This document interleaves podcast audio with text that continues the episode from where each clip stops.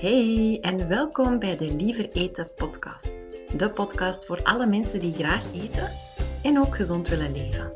Mijn naam is Tina Somers. Ik ben diëtiste en ben gespecialiseerd in intuïtief eten, lichaamsbeeld en eetgedrag. In deze podcast wil ik je ondersteunen om weer te leren eten vanuit zorg voor je lichaam en geest.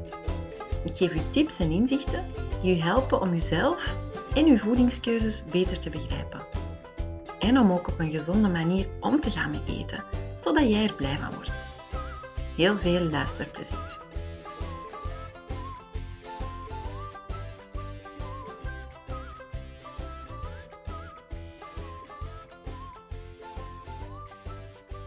Hallo, de vierde aflevering al vandaag.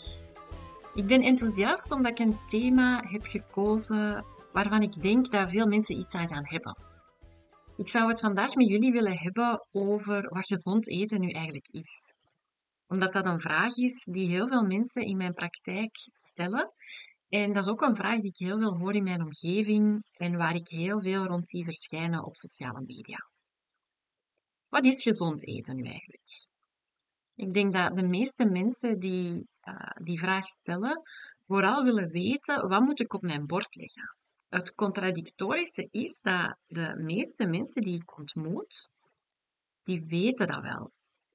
Die weten wel dat het belangrijk is om voldoende groenten en fruit te eten. Om vooral zelf te koken en te kiezen voor verse maaltijden. Maar wat heel veel mensen niet meer goed weten, is: mag ik nu een aardappel eten? Is pasta goed of slecht? Hoe zit het nu juist met vlees? En dat komt omdat er heel veel uh, angstzaaiende communicatie de ronde rond voeding.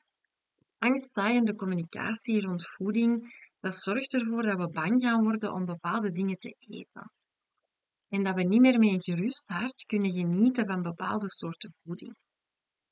Als we spreken over gezonde voeding, dan is het belangrijk om te weten dat gezond eten of gezonde eetpatronen, dat dat meer is dan datgene wat we in onze mond steken.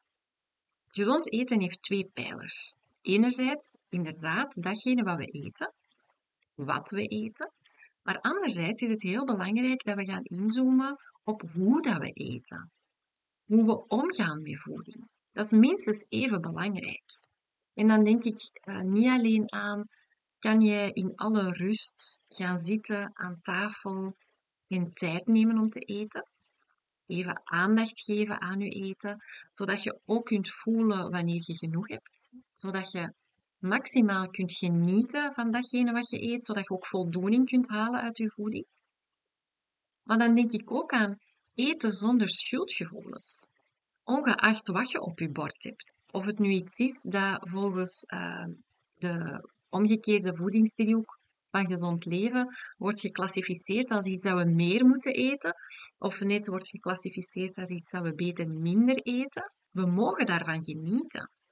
En wanneer we dingen gaan eten en nadien schuldgevoelens ervaren, dan heeft dat ook impact op onze vertering, dat heeft impact op onze verbranding. Ja, heel ons hormoonsysteem dat heeft een hele grote impact op de werking van ons lichaam. Dus we hebben er alle baat bij om in rust te genieten van alle soorten voeding zonder schuldgevoelens. En dat wordt heel moeilijk de dag van vandaag, omdat we heel wat angstzaaiende berichtgeving horen over bijvoorbeeld uh, hoe schadelijk suikers zijn. Zo zag ik over laatst een tv-programma waarin een arts vertelde dat uh, brood, pasta of rijst te vergelijken is met pure suiker. Dat is niet waar. Hè? De chemische structuur van pure suiker en van een suikerklontje, dat is helemaal anders dan de chemische structuur van pasta, rijst of aardappelen. Pasta, rijst, aardappelen, koolhydraten zijn dat allemaal energieleveranciers voor ons lichaam, die ervoor zorgen dat wij kunnen denken, kunnen bewegen, de dingen kunnen doen die we graag doen dat bevat niet alleen energie, die koolhydraten bevatten niet alleen energie, maar die bevatten ook vitamine, mineralen, vezels. Terwijl een klontje suiker, dat bevat geen vitamine, dat bevat geen vezels. Dus er doet wel gevaarlijke informatie rond voeding de ronde. Ik wil u bij deze op het hart drukken dat je alle voeding kan eten met een gerust hart. Wat ik eigenlijk wil zeggen is dat het belangrijk is dat onze relatie met voeding goed zit. Dat wij neutraal kunnen kijken naar alle soorten voeding en dat hoe dat wij ons voelen over onszelf als persoon, dat dat niet geschaad wordt wanneer we eens een keuze maken die minder voedzaam is.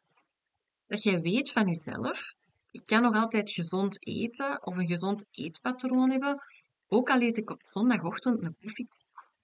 Of ook al ga ik af en toe eens naar het frituur. Is niet omdat je bepaalde voedingsmiddelen eet die meer suiker of vet bevatten, dat de goede stoffen uit andere voedingsmiddelen, dat die plots verdwijnen. Ja, bijvoorbeeld een koffiekoek met chocolade en pudding. Dat wordt hier thuis heel graag gegeten, ook door mij. In die pudding, daar zit ook calcium in, bijvoorbeeld. Daar zitten ook eiwitten in. Dat is niet alleen vet en suiker dat je daar binnenkrijgt. Je krijgt ook met bepaalde voedingsmiddelen die wij bestempelen als slecht, krijg je ook nog voedingsstoffen, goede voedingsstoffen binnen. Het is belangrijk dat we alles een beetje in perspectief kunnen zien. Uw relatie met voeding moet wel goed zitten, want als uw relatie met voeding geschaad is en als jij voeding heel hard gaat categoriseren in goed en slecht, dan kunnen we niet meer neutraal kijken naar voeding. En dan is het ook heel moeilijk om een keuze te maken op basis van waar heb ik nu nood aan? Wanneer we gezond gaan eten, dan gaan we voedingskeuzes maken vanuit het idee, enerzijds Waarmee wil ik mijn lichaam voeden? Dus dan is het belangrijk dat we ook kennis hebben over voeding. Welke voeding bevat meer of minder vitamine, mineralen, eiwitten, koolhydraten, vezels, gezonde vetten, zodat je een keuze kunt maken vanuit de kennis die we hebben over wat is goed voor ons lichaam. En daar kan je informatie terugvinden, bijvoorbeeld op gezondleven.be. Daar vind je een uh, mooi uh, voedingsvoorlichtingsmodel waar dat duidelijk aangeeft waar wij de dag van vandaag wat meer van mogen eten en waar we beter wat minder eten. Maar dat wil niet zeggen dat als wij iets eten uit die oranje of die rode zone, dat we sowieso ongezond gaan worden. Dus wanneer we voedingskeuzes maken, gaan we enerzijds nadenken over hoe wil ik mijn lichaam voeden, wat wil ik mijn lichaam geven vanuit de kennis die we hebben over wat ons lichaam nodig heeft. Maar anderzijds gaan we bij die keuze ook betrekken wat is er mogelijk voor mij? Waar heb ik nood aan? Waar heb ik zin in? Het is niet alleen belangrijk dat we uh, gaan nadenken over hoe ga ik mijn maaltijd samenstellen, maar het is ook belangrijk dat we kunnen inchecken bij onze behoeftes, bij onze noden. En dat kunnen we alleen maar als we neutraal naar voeding kunnen kijken. Als wij denken dat een koek altijd slecht is, terwijl dat als je bijvoorbeeld een wandeling aan het doen bent en je moet een vier uurtje nemen, dan is een koek waarschijnlijk de gezondste keuze, omdat een koek meer energie bevat dan een appel. Dus we gaan niet alleen, wanneer we willen kijken naar gezond eten, is niet alleen belangrijk dat we gaan kijken naar waar, wat liggen we op ons bord, wat, zijn, wat is de samenstelling van onze maaltijd, maar dat we ook rekening gaan houden met onze context. Hoe ziet mijn dag eruit? Wanneer kan ik rustig gaan zitten om te eten? Kan ik tijd maken om maaltijden voor te bereiden? Kan ik in alle rust maaltijden voorbereiden en ook eten? waar heb ik nood aan? Waar heb ik zin in?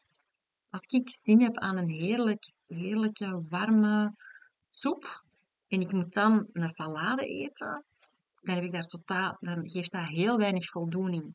En dan is de kans ook heel groot dat ik nadien ga beginnen snoepen of snaaien of zoeken naar andere dingen om voldoening te vinden.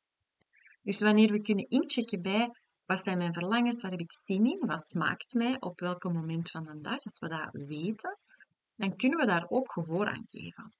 Als jij weet, oh, ik hou van die lekkere smuggen textuur van yoghurt met dan zoet fruit en wat crunchy granola erbij, ja, dan is dat een heel goed, gezond ontbijt voor u.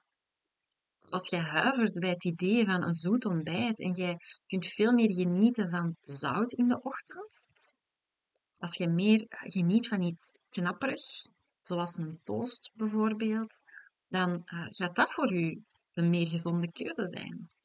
We hebben persoonlijke voorkeuren. En dat heeft ook invloed op hoe dat onze voeding verteerd wordt. Als jij iets eet met tegenzin dat je geen voldoening geeft, dan geeft dat meer stress in ons lichaam. Dus we hebben er alle baat bij om die keuzes te maken waar we van genieten. Want als we genieten van eten, dan zijn er minder stresshormonen in ons lichaam, dan gaat ons metabolisme beter draaien. En uh, hoe, we, hoe we aan tafel zitten en de tijd die we nemen, dat heeft ook een impact. De dag van vandaag, het moet allemaal snel gaan. We staan op en uh, de trein begint te lopen. We moeten dit, dit, dit van hier naar daar. Maar je hebt er alle baat bij om toch die pauzes te nemen, om, om even rustig te zitten, je schouders te laten zakken, even te ademen en te ontspannen, zodat je in alle rust een maaltijd kunt nemen. En ja, ik eet ook soms mijn boterham aan mijn computer, als ik eens een drukke dag heb met veel deadlines. Het gaat erover, wat, wat doet je de meerderheid van de dagen? En als je kijkt naar je, huidige gewoontes, uh, heb je bijvoorbeeld elke dag de gewoonte om s'avonds voor tv te eten? Laat ons eerlijk zijn, dat is geen goede gewoonte. Want als wij bezig zijn met tv, met al die prikkels, visuele prikkels, auditieve prikkels, dan kunnen we veel minder voelen wat ons lichaam ons vertelt. Dus de kans is veel groter dat jij je gaat overeten. Dat jij niet kunt navoelen wanneer je genoeg hebt. Anderzijds gaan we ook veel minder voldoening halen uit onze maaltijd, omdat we niet bezig zijn met die smaakbeleving. Of toch maar een gedeelte bezig zijn met die smaakbeleving. We zijn vooral bezig met wat we daar zien, die beelden. Dus het is een heel gezonde gewoonte om even aandacht te geven aan je eten. Om dankbaar te zijn voor wat er op je bord ligt. Om met al je zintuigen te genieten van voeding.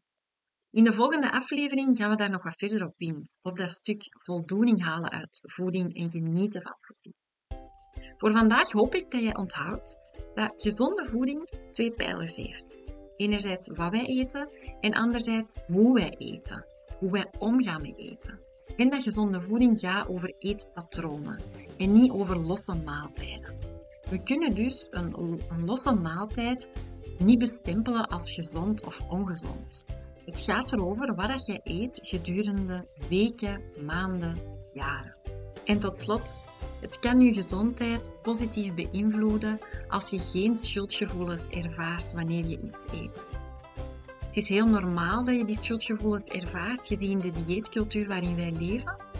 Als je merkt dat je daarmee struggelt, dan kan het je gezondheid alleen maar ten goede komen dat je dat stukje gaat aanpakken dat je iets gaat inzoomen op jouw relatie met voeding, op je relatie met je lichaam.